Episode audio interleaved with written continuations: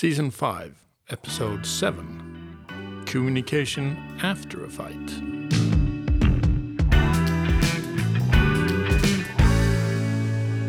Yeah, this was uh, an episode that came to us last week as we had a fight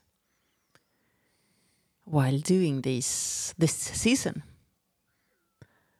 And that brought up the topic that we should also probably share in an episode what do you do after a fight? How do you come back to communication after a fight? Yeah, How you communicate after a fight. We uh, spoke last week of, uh, last episode of pleasant conversations. So now we're actually had unpleasant conversations, i.e., a fight.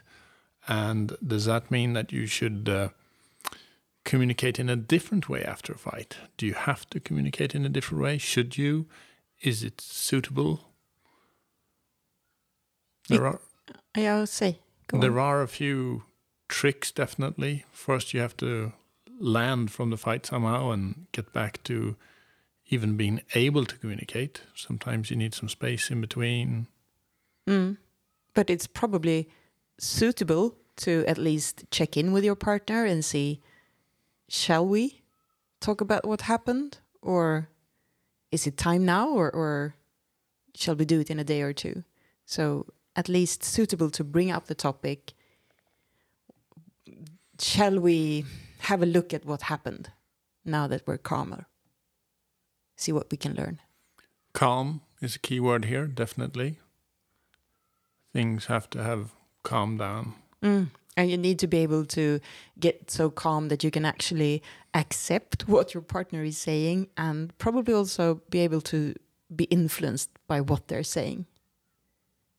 Take some kind of responsibility for your part and accept an apology and perhaps make one. And also see the fight a little bit from, from above, from a Observers. outside observer mm. perspective. Uh, this can be very difficult. It you can be completely convinced that your partner is an idiot and uh, is very wrong in all details and facts in the fight. Mm.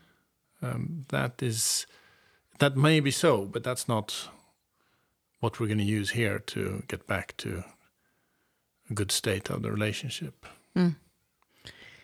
And successful couples, they make repair attempts even during a conflict, actually. It sounds very odd, but um, research has shown that the successful couples do just that. In the fight, they will say positive things about their partner, many times even, Mm. uh, which can sound odd, but uh, they have some kind of respect and admiration for each other that shines through even in the fights. And also some kind of an awareness that they are, they can observe the fight even though they're in the middle of the fight and can be aware of these, oh shit, we're in a fight. So I need to say, also say something positive because we need to repair as fast as possible. Feelings are obviously a problem in a fight because they can get uh, very heated and uh, lack of rational sense. So the feelings need to be discussed. Mm. How you felt, Mm. share afterwards how you felt, maybe discuss, ask curious questions around that. Are you now describing one of the tools that we are talking about? It's part of of uh, one of the tool set that you can use. Uh, some steps after a regrettable fight, a reg- Mm. regrettable incident. So one is share the feelings that we have, Yeah, and none of them are wrong or overreacting or whatever. They are just a feeling, nothing Yeah. more than that, which can be hard to accept. Another part is to talk about my reality and your reality if we are the ones in the conflict, and that those realities might not be the same. So, what I have perceived, you might have perceived something differently, but they are both correct in the sense that we have I am having my experience and you are having your experience. And those are the realities that need to coexist. and that can be tough to handle. Mm. Definitely. And another thing, another step is is um, this is a bit deeper, but it has the triggers that set your feelings and reactions going, and this can take us down a completely different direction. Of the triggers can be very old um, memories and ideas or thoughts which you've never shared with your partner. So your partner gets very surprised that you got so upset about this. Yeah, or or like in our case, when I say something, you might sort of like, but but that's not a valid enough reason to get triggered by. And I'm like, well, I just I just got triggered by it. I can't help it. It just happened. So that's a, another thing that you can use after conflicts. You can dig a little bit deeper into some reactions because there might actually be some underlying truth, old truth from when you were young or previous relationships or in this relationship, but things that have been um, bugging you or or something that you really want, and then you got uh, your partner said something not so positive uh, about that. So this area is is um, interesting and quite open for uh, a deeper conversation about the reason why uh, you reacted so much. So during these three steps, you need to listen emphatically and not go into judging or, or uh, Problem solving. problem solving. And then comes the last two steps, which is responsibility and constructive plans. And I like these two because the accountability, responsibility is that you acknowledge that you have a role in this conflict, but take some of it and also offer an excuse, an apology.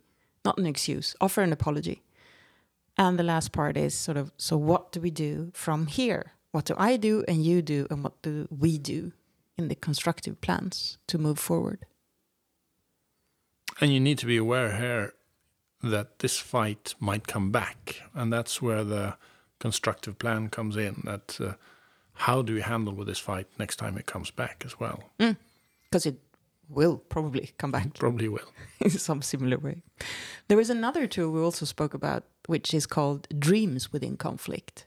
And I would say that this might come a bit at a bit later stage, probably. It, that's what I meant a little bit around the triggers, because Okay. the triggers can definitely be found in old dreams or old worries. Oh yeah, yeah, yeah, yeah. So then you stay a bit longer in the trigger section and ask more questions regarding. Okay, so what would the best possible outcome be? What would the best dream be? And what? And also trying to figure out yourself why you reacted so much to this seemingly trivial thing. Mm-hmm. So sometimes it's some, some self search mm-hmm. As well. Hmm. Why did I get so upset about this? It's not really a big deal. And maybe there is something old lying there that hmm. could be good to talk with your partner about. Hmm. We will share some of these in in the links. Uh, these tools, right? Yep. And we would also like to round up by saying that when you do these exercises, make sure you take turns in being the speaker and the listener. And what else? The four horsemen, right? Keep away from the four horsemen criticism, defensiveness, contempt, stonewalling. We talked about that in another season. But they like to come in creeping here. And also, my favorite problem solving shouldn't always be present here because it's not always solvable. Mm. The intention must be to get closer to each other. So be kind after a fight. Be kind after a fight.